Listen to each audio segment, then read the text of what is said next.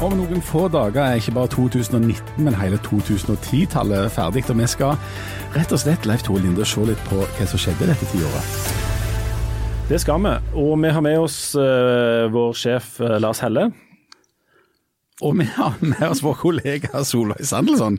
Og jeg vet ikke hvorfor alle lo nå. Nei, altså, det, det, var fordi at det var så utrolig godt sånn radiofaglig gjort, dette her. Eh, vi, vi, driver jo ikke for mye med planlegging, så plutselig så han på meg med et blikk som, som gjorde at jeg lurte på Er du blitt forelsket i Leif Tore Linde? Vet du hva som faktisk skjedde? Jeg jeg blanka ut. Og det, er det, altså det mest dramatiske som har skjedd med meg det siste, siste tiåret, er at jeg er blitt ti år eldre. Dere er jo ikke blitt, antageligvis ikke opplevd det samme, men jeg er blitt ti år eldre og gått ifra et litt sånn tynt ungdomsalibi til å bli sånn ordentlig, ordentlig voksen. Men skikkelig tjukk er du ikke blitt? Nei, men det, det, det, har jeg et halvt år. Jeg blir 40 om et halvt år, og da har eh, Mennene i, vår, ja, ja. mennene i vår slekt har en ganske um, karakteristisk kurve, uh, der vi blir uh, får sånn basketmage, mister synet og mister alt håret. Så det gleder jeg meg til. Men altså ti år Dere blir sånn tynntjukke? Vi blir tynntjukke. Tynntjukke fra, fra 40-årsdagen? da.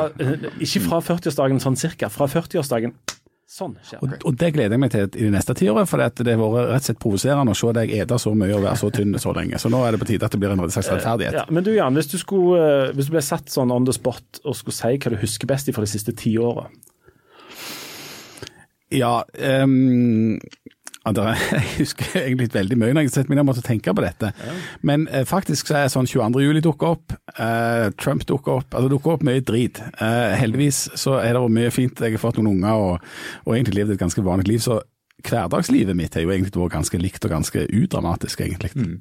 Du, jeg, eh, Som en sånn nyttårsforsett så bestemte jeg meg for at jeg skulle eh, prøve å lage en litt sånn stor sak der jeg fant gode nyheter. Altså positive ting som skjer i verden. For det viser seg jo at verden går eh, framover og blir bedre. Og bare For å røpe avslutningen i dag. Eh, til slutt så skal, tenkte jeg jeg skulle si litt om alle de enorme framskritt som, eh, som um, verden og menneskeheten faktisk gjør. Men vi sparer det litt til slutt, og så ser vi om vi kan finne noe å bli deprimert over uh, først. skal vi ikke det? Ja, det skal vi sikkert finne noe. Hvis Vi begynner, vi skal begynne en ende, vi, begynner, vi kan begynne der som vi sitter nå her sjøl. Det er at vi sitter og lager podkast og, og lager lyd.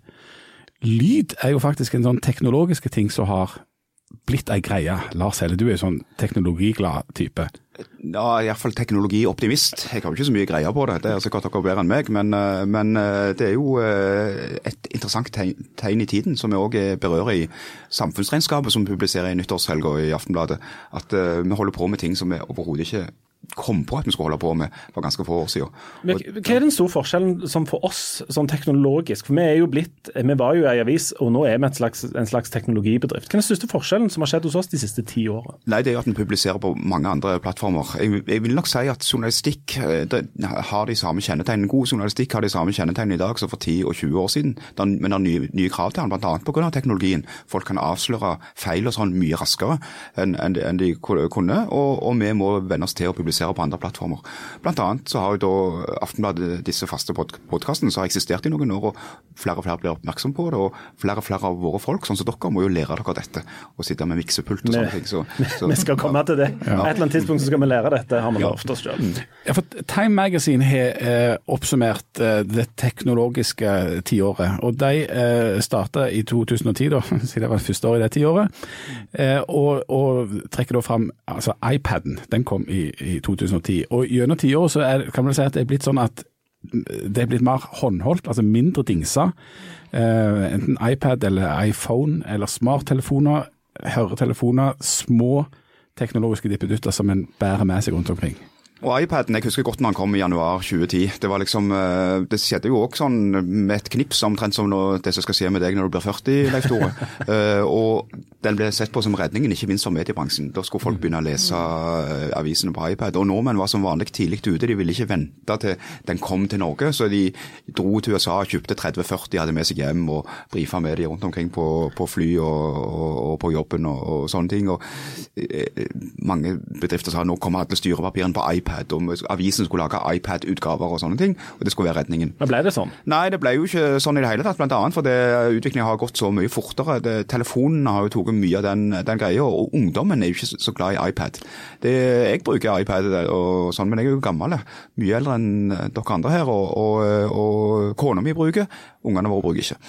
Og Solveig, du sier debattansvarlig. En annen optimistiske ting som en snakket om rundt 2010 med denne digitale teknologien, det var at internettet og, og alle disse mulighetene åpner òg for en annen type debatt. Og det var liksom At det skulle virke demokratiserende. Alle kunne slippe til, alle kunne få være med å diskutere. Frank Rossavik, som er kulturkommentator i Aftenposten, har skrevet en, en kommentar der om at det gikk ikke sånn som optimistene håpte på. Men hvis, hvis vi starter på en måte i 2010, hvordan så idealbildet ut av hvordan det kunne bli, og hvordan gikk det?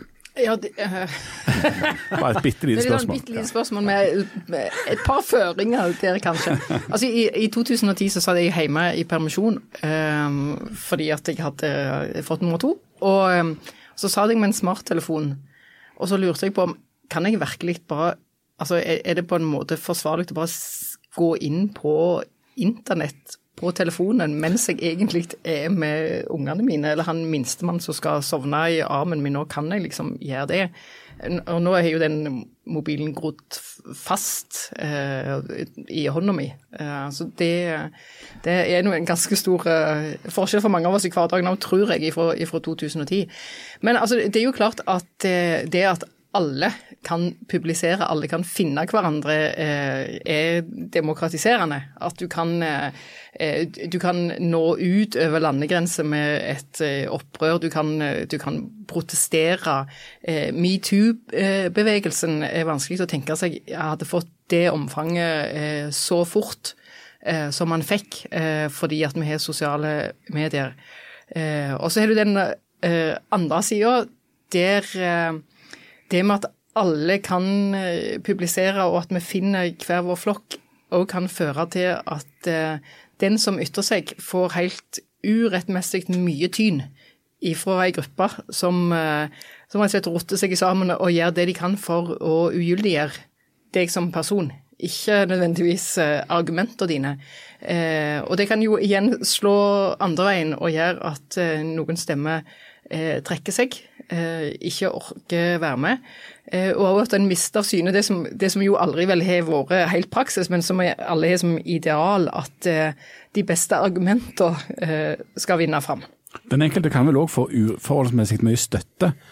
Altså Ja. at marginale standpunkt får tilsynelatende en voldsom støtte, som handler litt om algoritmer, hvordan disse sosiale mediene, som var ganske ferske egentlig i 2010, har endt opp med å virke.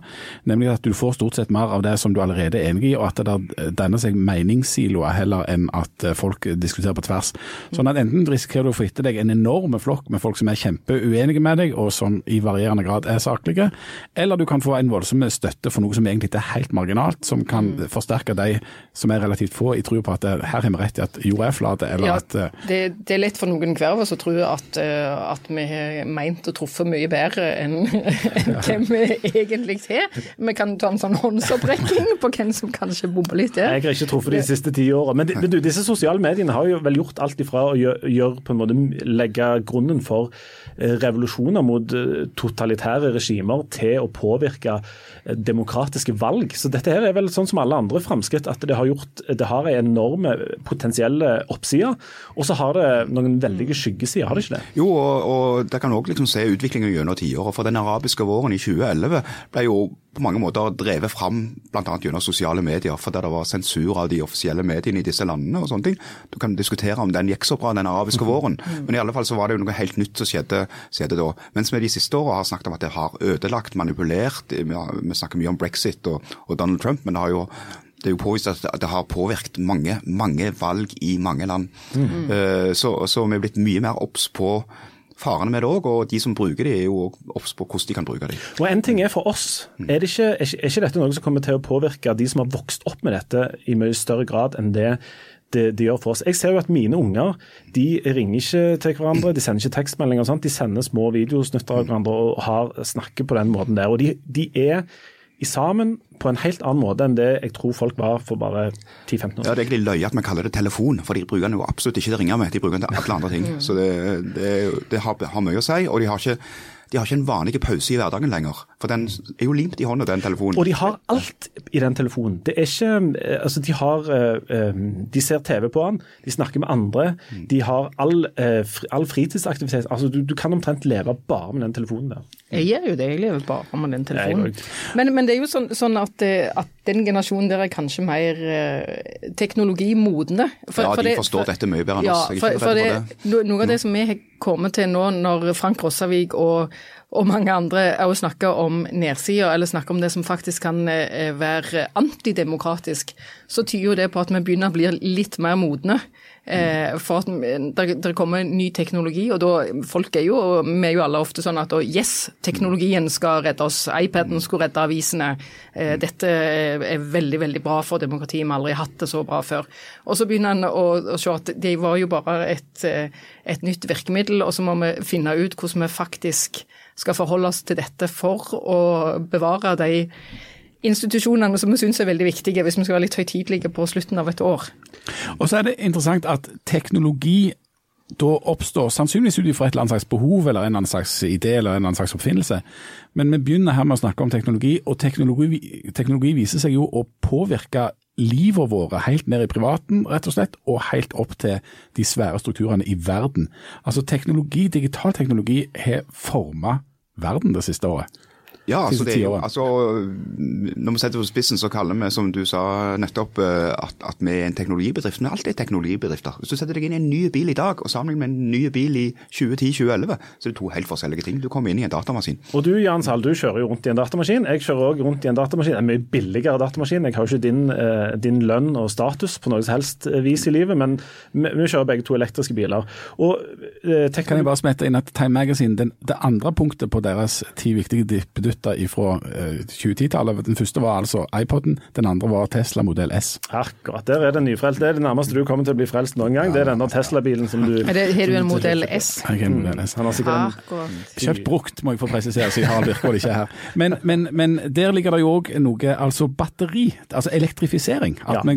Ja. Nemlig fordi at det kan eh, Teknologioptimister, du er kanskje en av de, Lars. Ja, det... har jo en, en, en, tro på at dette kan teknologien kommer til å redde oss til slutt. Eh, og eh, F.eks. miljø, som er endelig blitt en, eller som er blitt den store saken. Jeg, jeg kan sitte med en følelse av at det er tiåret vi har vært gjennom. Det var det tiåret der vi ble klar over hvor elendig det står til uten at vi fikk gjort noe som helst med det. Og Det er jo teknologien som skal redde dette òg. Kommer det til å skje? Vi er nødt for å ta teknologien i bruk. for det at eh, Politikerne kommer ikke til å klare å nå noen av de målene de har satt seg på disse klimatoppmøtene. Så, men jeg tror faktisk han kan bidra ganske mye. Eh, det mest nærliggende er jo Tesla og elektriske biler, men dette blir jo òg på større kjøretøyer eh, og fly, båter. Som er, båter står jo for utrolig store utslipp, og nå er det jo masse som skjer der. Så det vil hjelpe oss på mange måter til å Og kanskje kommer det òg teknologi som kan begrense utslippene på en, på en eller annen måte. Så, så det, det, er òg en av grunnene til at det er faktisk viktig å være litt uh, optimistisk på vegne av uh, forskning og det hele. altså. Alltid en eller annen som skal være optimist. Jan, du har jo Jeg pleier ikke å være det på andre nivåer. Nei, du gjør ikke det. Jan, du har jo et, et godt skjult hovedfag i sammenlignende politikk, og dette har jo vært et interessant politisk tiår, kan vi si det sånn? Det må vi kunne si. Um, og Det henger jo litt sammen med det vi snakket om tidligere, altså de sosiale mediene og framveksten av um, altså hvordan den offentlige debatten har fungert. Uh, sannsynligvis har uh, De forente stater av Amerika sine føderalstater fått en president. Den første Twitter-presidenten. Han bygde seg altså en voldsom following på Twitter. og det at eh, de sosiale mediene har vist seg å være såpass polariserende, har jo òg påvirka politikken. Eh, så eh, den store tingen dette tiåret er polarisering, ville jeg sagt. Er du enig, Solveig? Ja, jeg, jeg ville liksom sagt som eh, Når nå skal øve i et nytt, nytt tiår, så, så, vil nesten en sånn mind the gap være ei overskrift på, på, alle felt, ikke bare på, på debatt. At her, her spriker det enormt mye mer. Altså Det virker som politikerne er fjernere fra folk flest. Man kan ta bompengeopprøret eh, f.eks., der, eh, der en ikke så hvor eh, hardt folk følte at det var en inngripen i deres privatliv, og at de tusenlappene som det gjaldt, svidde mye mer enn hva en klarte å få med seg. Det er ett et eksempel. Og så er det den enorme polariseringen der en kan Eh, ja, I høst har vi sett at en setter opp stråmann. altså du, du, finner på noe som noen andre sånn cirka mener for å komme med dine argument, og så må de andre eh, forsvare noe som de egentlig aldri har meint. Som er helt meningsløst i debatter. Så den der, eh, eh, At det, blir et mye større strekk i laget. Og det er samtidig i ei tid der vi er, er nødt til å finne noen sånne kollektive løsninger når det gjelder miljø og klima, eller der, eh, der folk må tro at de ikke blir hekta av. At det ikke er hvermannsen som skal betale, mens eh, eliten suser gratis gjennom i sin Tesla S. Og reaksjoner, altså hvis, når vi gikk inn i 2010-tallet, så satt Barack Obama som president i USA. Han var jo liksom den hippeste og den liksom kuleste representanten for det liberale, den liberale verdensorden. Sant? Sånn, Vi bare eh, måtte cool gi han fredsprisen. Ja, måtte bare gi han fredsprisen. Selv om, ja, Ja, og kan også minne om at da han ble valgt første gang i 2008, så ble det nevnt en eh, valgkampanje på Twitter som Ja, folk flest ikke var på, eller visste hva var da. Og det var nok på helt andre nivåer. enn ja, han skrøt av å ha lest bøk. Ja, han hadde lest bøk, og det var ikke måte på. Og han var jo ekstremt populær blant sånne som oss. Altså sånne eh, liberale, eh, hvite, velutdanna, egentlig eh, ja, øvre middelklasse, holdt jeg på å si. Og så viser det seg at unna og jeg tenkte oi, nå, dette er flotte greier. Men så viser det seg altså at det vokser fram en ekstremt sterk reaksjon mot Obama. Altså at Obama sannsynligvis er noe av forklaringen på at det gikk som det gikk i USA. Altså at det ble en reaksjon på det, det han representerte. Dette liberale, den globaliserte verden, alt dette her. Og så vokser altså Trump fram. Det jeg er spent på framover, er, er jo kommer det en reaksjon på det på et eller annet tidspunkt.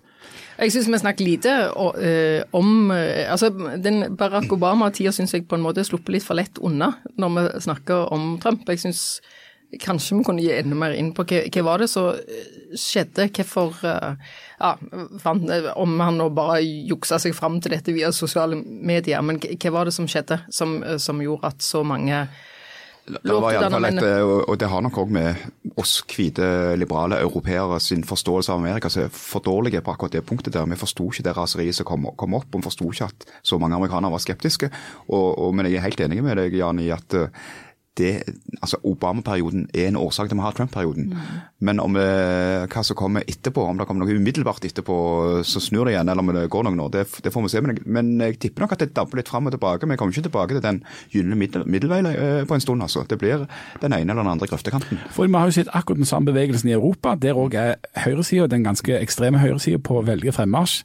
Eh, Du trenger ikke gå lenger enn til Sverige eh, for å se det. Eh, Der Sverigedemokraterne går fram. I Tyskland er det sterke sånne bevegelser. I Italia, Ungarn, Polen. Og Europa, og ikke minst borti Storbritannia der. Eh, Sånn at dette har jo vært, altså Pendelen har svingt kolossalt til høyre. Annet pga. raseriet mot elitene, mot den etablerte politiske orden. Og så har flyktningkrisen òg vært en ting som har preget dette tiåret. Syria, eh, ja, hvordan håndterer en, en flyktninger? Hvordan håndterer en sine egne nasjonalstater? En har altså vendt tilbake til nasjonalstaten, blitt mer nasjonalistiske, opptatt av seg selv. Det er ikke bare America som skal bli great igjen, det er òg Hungary og Poland. og ja. Ja, absolutt. Det er blitt en helt annen orientering mot disse. og Jeg syns det er jo en eh, trist og ganske skremmende utvikling, særlig det du ser i en del av landene i Øst-Europa, så hvor kanskje ting gikk for fort. Muligens eh, etter, etter holdt på å si, eh, demokratiseringsprosessen på slutten av 1980-tallet og begynnelsen av 90-tallet. Og sånn, eh, og Ungarn og Polen, så, hvor ytringsfriheten har trange kår, hvor domstolen blir tatt, satt under kontroll av myndighetene, og sånne ting som vi virkelig ikke liker, og som er virkelig fare på ferde. Hvor mye av dette har egentlig smittet over på Norge? Vi har jo hatt en tendens til, gjennom kriser, altså enten det er finanskriser eller, eller hva det er, til å være litt sånn isolerte pga. litt sånn særnorske forhold. At vi har, vi har olje, vi har uh, velferdsstat, vi har penger. Vi har et uh, litt sånn ja, det, det litt sånn skandinaviske modell og system. så Noen ganger blir vi jo skåna for dette. Men er det noen av disse her litt sånn internasjonale internasjonale trendene som smitter over på oss? Ja, det smitter over på oss, men vi har to ting til. og Det, det heter Senterpartiet og Fremskrittspartiet. Det kommer ikke opp et nytt ytterliggående høyreparti som vokser her. for det at, eh, altså, eh, Fremskrittspartiet er et høyreparti, og mange vil kanskje si at Senterpartiet er det òg. Men de er, de er etablerte partier som ikke vil de vil ikke noe vondt med, med landet etter, etter mitt syn. Og så har de fanget opp en del av de trendene i et mer sånn etablert system. Og det skal vi egentlig være glade for.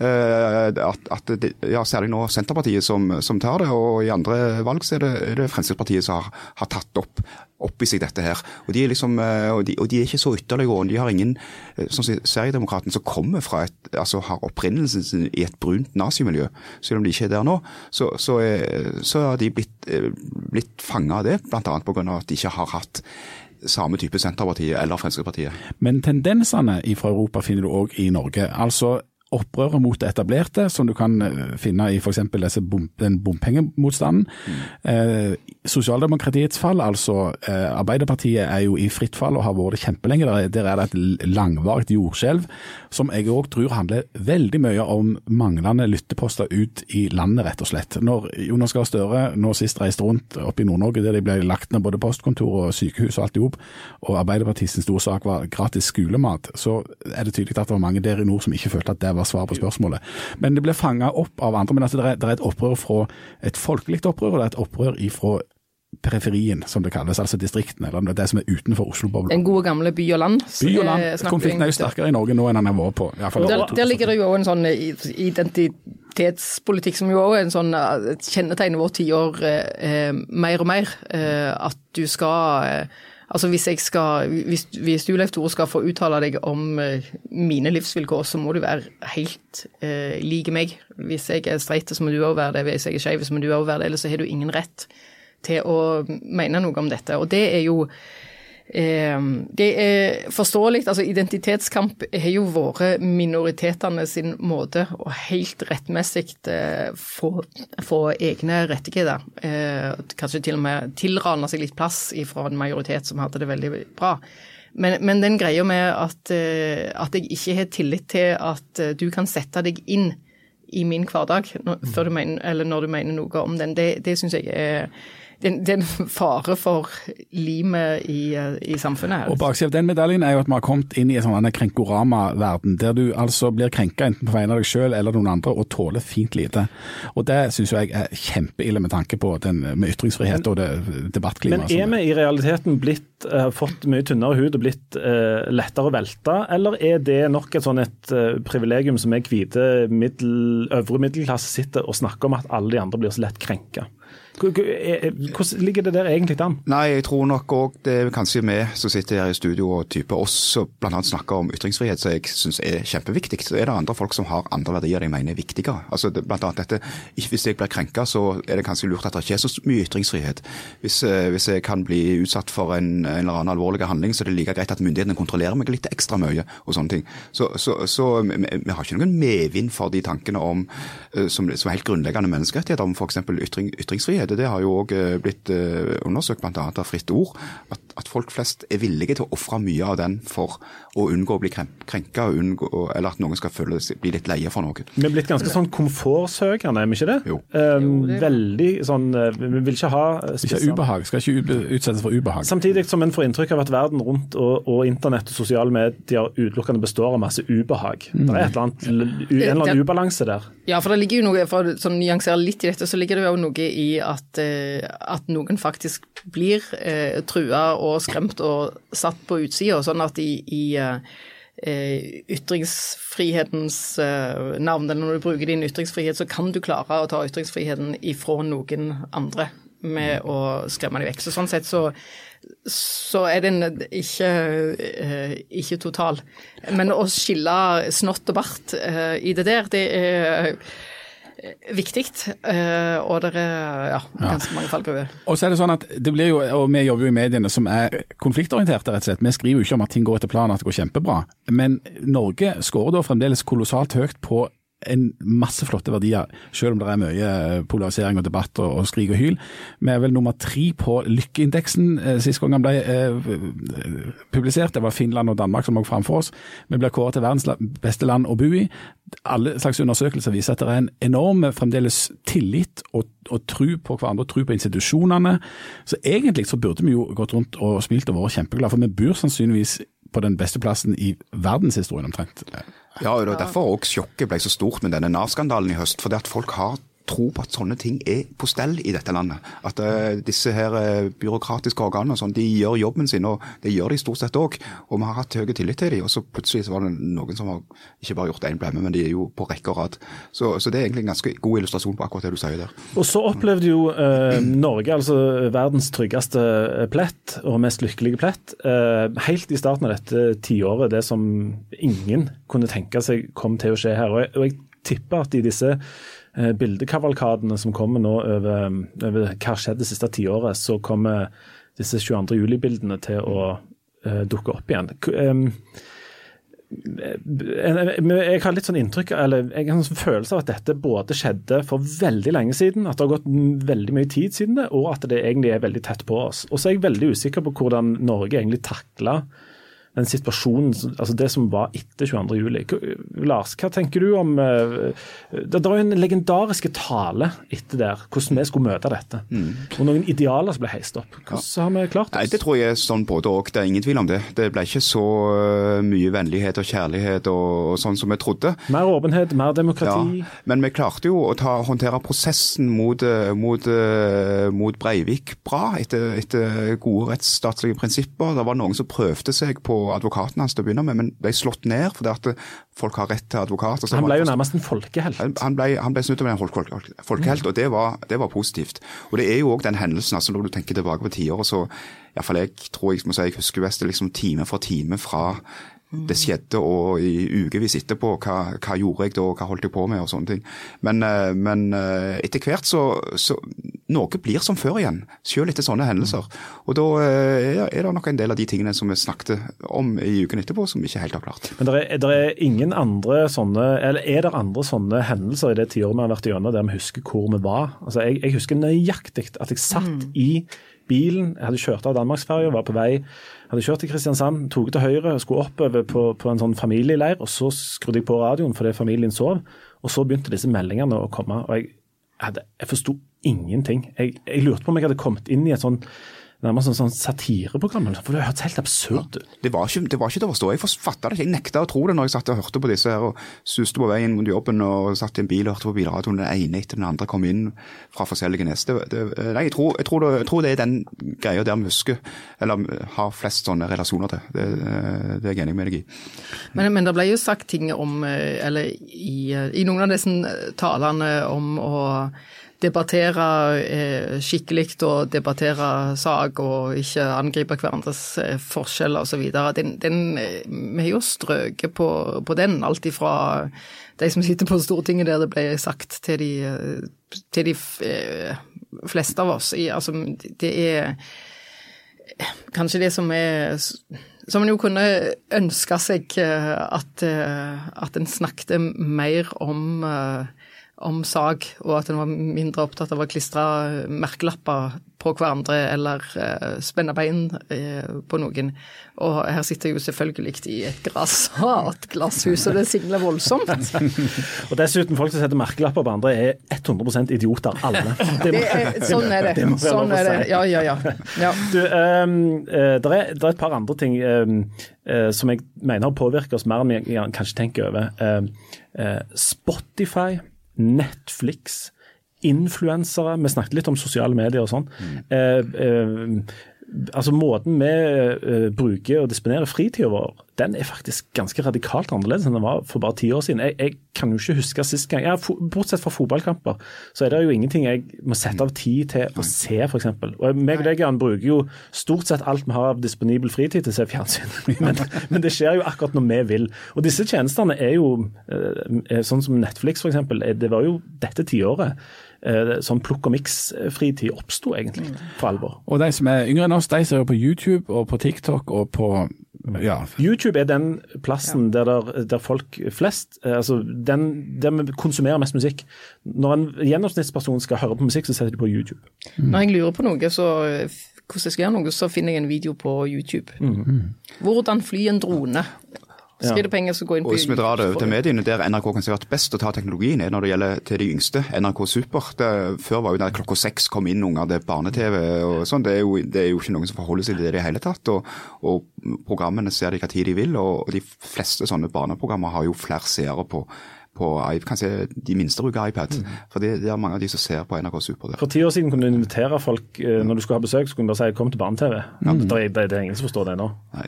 Dette er bare et bevis på at jeg er blitt ti år eldre, kanskje. men det er litt sånn. Du setter deg ikke ned klokka syv for å se Dagsrevyen heller? Nei, men Nei. det gjør Jan Sahl. Ja, ja, jeg gjør det. Jeg, ja, ja. Jeg, men jeg ser den i, i sånn to minutts forsinkelse, sånn at jeg kan spole forbi hvis det kommer kongestoff. Nei, jo. gjør du det? Ja, kongestoff er en del av virkeligheten, det. Men, men, men, kan, kan ja, sagene om været på Østlandet, ser du de? Nei, nei det var da spoler jeg. Spoler en del, altså. Du, Jeg tror dette er tiåret der eh, vi ekstremt eh, selvopptatte og oppblåste journalister ble eh, tatt igjen av en, en samling influensere og sånne ting. Ja, av alle ting, altså. Folk i vårt yrke, kommer vi til å overleve ti år til, eller kommer dette til å bli kommer vi til å bli eh, liksom overtatt av sånn flyvertinnefrue og, og, og håndballmann, alle de der folka? Ja, eh, Hvorfor har ikke du ansatt disse, Lars? Nei, jeg er gammeldags jeg òg, vet du. Jeg ser jo Dagsrevyen jeg òg, så det, det er jo Klokka det. ja, mer eller mindre. Nei, jeg er dårlig på det. Jeg eh, har nok begynt å strømme litt mye, jeg òg. Men vi hadde en liten eh, Redaktør blir av og til invitert på mange løgne ting. For eksempel så var jeg på fredsprisutdelingen i Oslo rådhus. og da får du, Når du kommer inn, så får du en tekstmelding om hvor skal du sitte. Og Da fikk jeg benk 31. Og Så kunne jeg se tekstmeldingen fra i fjor. Det var benk 29. Og i forfjor var benk 27. Oi. Oi, Så det, oi, oi. så, og, og da, da fant vi nå, nå er det ikke flere benker, nå kan vi ikke komme lenger bak. Men vi tror de som kommer rykke inn neste år, det er jo blondine? Bloggerne. Ja, bloggerne og sånne ting. Så det, det, jeg tror vi vil se skiftet der, rett og slett. Jeg, jeg, jeg, ja, det, det, det finnes jo også en sånn greie i, uh, hos, uh, hos oss da, der det blir uh, Mediebildet blir mer og mer personfokusert, og journalister blir om sterkere profilert som, som seg sjøl, eller som sin penn, eller sin podkast, eller, eller hva det måtte være. Og, og det gjør jo På et vis så skrenker jo det òg, eller innskrenker litt hva, hva en får, får med seg. Eh, fordi at det, blir eh, veldig sterke eh, Mye personlighet mange plasser. folk knytter medieforbruket seg mer til personer og programmer enn til om det er en kanal, om det er Aftenbladet eller NRK. eller noe sånt. De vet sannsynligvis ikke hvem som sender det de ser på engang. Og den andre tingen som styrer folk sin mediebruk er jo da eh, en relativ nyvinning, nemlig, og som det kommer til å komme mer av, eller det grunn til å tro, nemlig algoritmene. Altså at det som velger ut for deg hva det er du konsumerer, det er det du allerede har gjort, og så er det noe algoritmer, en annen plass noe regnestykke som regner seg fram til hva du vil ha mer av. Og det, Sånt holder jo vi òg på med nå. Absolutt. Eh, Vi kommer nok til å få mye mer sånn personaliserte førstesider, altså fronten på stavangeraftenblad.no NO, vil jo eh, ta hensyn til det i stadig større grad framover. At eh, de vet, de kjenner igjen eh, brukeren og, og, og serverer mer tilpassa nyheter og annonser. Og disse algoritmene, det er ikke bare det de bestemmer. De um, regner, regner ut for de aller fleste hvem de skal gå på date med, hvem de skal bli forelsket i. eh, via sånne datingapper. Ja, Kunstig intelligens vil bli brukt i dette i større og større grad, og det, det er det ingen tvil om, faktisk. Facebook-algoritmen bestemmer eh, hvem av dine Facebook-venner du får se hva holder på med, eh, hva de gjør, hva slags reklamer du får. Um, og Hvis det er en, en, et sånn frampek mot det tiåret vi går inn i, så må det jo være disse algoritmene. Altså at rett og slett dataprogrammer kommer til å styre mye mer av det vi holder på med. Og, og måten vi oppfatter verden på. Ja, og det er da jeg, er det, Is that good or is that bad? Dette var jo det som viste seg å være noe av problemet her nå, eh, jf. brexit og, og, og valget av Trump. altså at, eh, og, og det som har vist seg å være logikken i algoritmene, er at det er jo stadig, de stadig sterkere og mer, mer ekstreme meningene og de som roper høyest, som får størst engasjement. Og de som der- betaler best. Ja, og, og dermed så genererer det størst interesse og bruk. Ja, iallfall når, vi- når vi er på de store sosiale medier, så det som, det som skaper sterkest følelser hos folk eh, av den ene eller den andre eh, sorten, det, det får du mer av. Og Jeg er jo som er, som er 100 år, sånn som dere, eh, får av og til litt panikk og tenker hva går jeg glipp av nå, når og avisene begynner å gi meg det som de sett jeg ville ha før. Eh, Hvor får jeg det som Nei, jeg ikke- vet? det er så- det er mer avansert enn som så. Ja visst er det mer avansert enn som så. Nå eh, skal jeg passe meg for å snakke Jeg må ikke snakke ned algoritmene til Aftenbladet. Dette kommer man jo til å finne litt ut av, men, men det er jo noe av den der litt sånn nye eh, teknologiskrekken. Er det noen algoritmer her som stenger ute, eller så gjør meg rett og slett litt dummere? Men du sa noe i begynnelsen der, eh, som òg er en annen ting som har skjedd dette tiåret, mener jeg. At vi har gått ifra å være mest orientert mot fakta til følelser. Det som spiller den største rollen nå, er følelser. Eh, New York Times gjorde akkurat en artikkel jeg hørte om her på en podkast, The Daily, som alle òg hører på, um, som så på i hvilken grad unge folk i Amerika er i stand til å skille en mening ifra fakta. Og der var det 14 som klarte. 14 14 Hva slags konsekvenser får det for, eh, for eh, demokrati og, og sånt framover? Hvis, du- hvis du feiltolker, eller hvis du ikke klarer å se hva som er et faktum og hva som bare er en påstand eller en mening. Ja, medie, Medietilsynet har gjort lignende ting i Norge, og det er ikke bare blant de unge det er sånn, tror jeg. Det, det kan være like vanskelig, særlig blant de eldste, eh, å skille med, for det er så mange påvirkningskanaler og sånne ting. Men det er ganske, det vil, jeg tror det vil være ganske alvorlig hvis, hvis ikke vi får litt sikker på det. det okay. jeg, men, men bare en ja. liten sånn eh, teknisk ting til. for jeg så i, eh, altså, Det, det løgneste på teknofronten dette året var jo når jeg leste en tosiders reportasje i en, av, en norsk eh, finansavis i sommer om noen som var blitt personlige trenere for chatboten til en bank. Ikke sant? Altså, du, og, og det er jo for at de skal bli enda Når du går inn på en sånn du skal chatte med en bank, så chatter du ikke med personer lenger. Du gjør det med en eller annen som har kunstig intelligens, og de må trenes opp. Og der sitter det altså folk som har sånn heltidsgeskjeft å være personlige trener for det. Og det kan være- bruk for roboter. og Det kan godt være at uh, vi må få det her i Aftenbladet også, sånn at du, du får uh, at trener de deg en ganske god førsteside, uh, Solveig. og kanskje. Ja, det, det, kan være, det kan jo være en rett som skulle trene opp meg. Siri, vis meg et bilde av tidsånden. Da får du opp den der. der. Du, eh, vi, skal, vi skal gå litt mot avslutning, men jeg har altså drevet og skulle prøve å finne eh, 100 gode nyheter til en sånn eh, nyttårssak. Dette kan jo ta tid. Jeg skal ikke lese opp alle. Og jeg ga opp fordi jeg klarte ikke å finne eller, eh, Det ble så mye sjekking av alt mulig at jeg måtte kutte det ned til 50. Um, så bestemte vi for å begynne med noen sånne store sånne supertrender. For vi, det er masse sånne små ting som peker den ene eller andre retningen. Men hvis, hvis vi får litt tid på oss, så kan vi finne den store overbygningen, altså de lange trendene. Og de lange trendene i verden er veldig gode på de aller fleste fronter. Altså eh, Barnedødeligheten i verden er halvert siden år 2000. Um, og, altså, det har tatt ganske mange år før vi klarte å halvere det, men det har vi klart nå. Um, andelen ekstremt fattige er halvert siden 1990. Det høres gjerne lenge ut, men det er jo enormt kort tid. En generasjon er kjempekort. Ikke sant? Um, uh, vi har halvert sultproblemet i verden siden år 2000. Uh, det er nå nå har ikke jeg tallet rett foran meg, men det er ekstremt mange flere jenter som går på skolen. Det er flere som går på skolen. Det er til og med flere folk som lever i demokratier nå enn det var for eh, 10-20 år siden. Det har også litt med størrelsen på land og sånt å gjøre, men det er flere som lever i demokratiske land. Det er færre som dør i krig.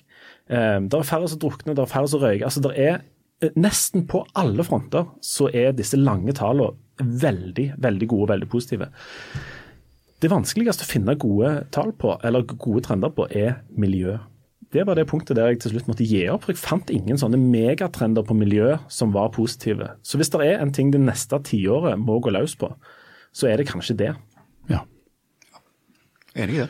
Uh, og La oss da avslutte med å ikke ta et uh, nyttårsforsett, men et tiårs nyttårsforsett. On the spot. Nå har du ti år på deg til å, til å gjøre noe fornuftig eh, og gjøre noe bra. Solveig, hva, hva skal du bruke de, hva er det mest positive du skal gjøre de neste ti åra? Solveig Sandelsons bidrag til verden de neste ti åra. også- Og vi kommer til å kalle deg inn her på slutten av 20, hva blir det, 2029 og ta et regnskap. Hva er de ti Det er når du har blitt tjukk. Ja, da, jeg, Sånn at da tar jeg halve det- rommet her. Det er egentlig verdt å få med seg, tror jeg. Sånn at jeg kan, kan ja. egentlig stryke på Men det. hva, din, hva, blir, hva blir din pers personlige Nei, bidrag til dette?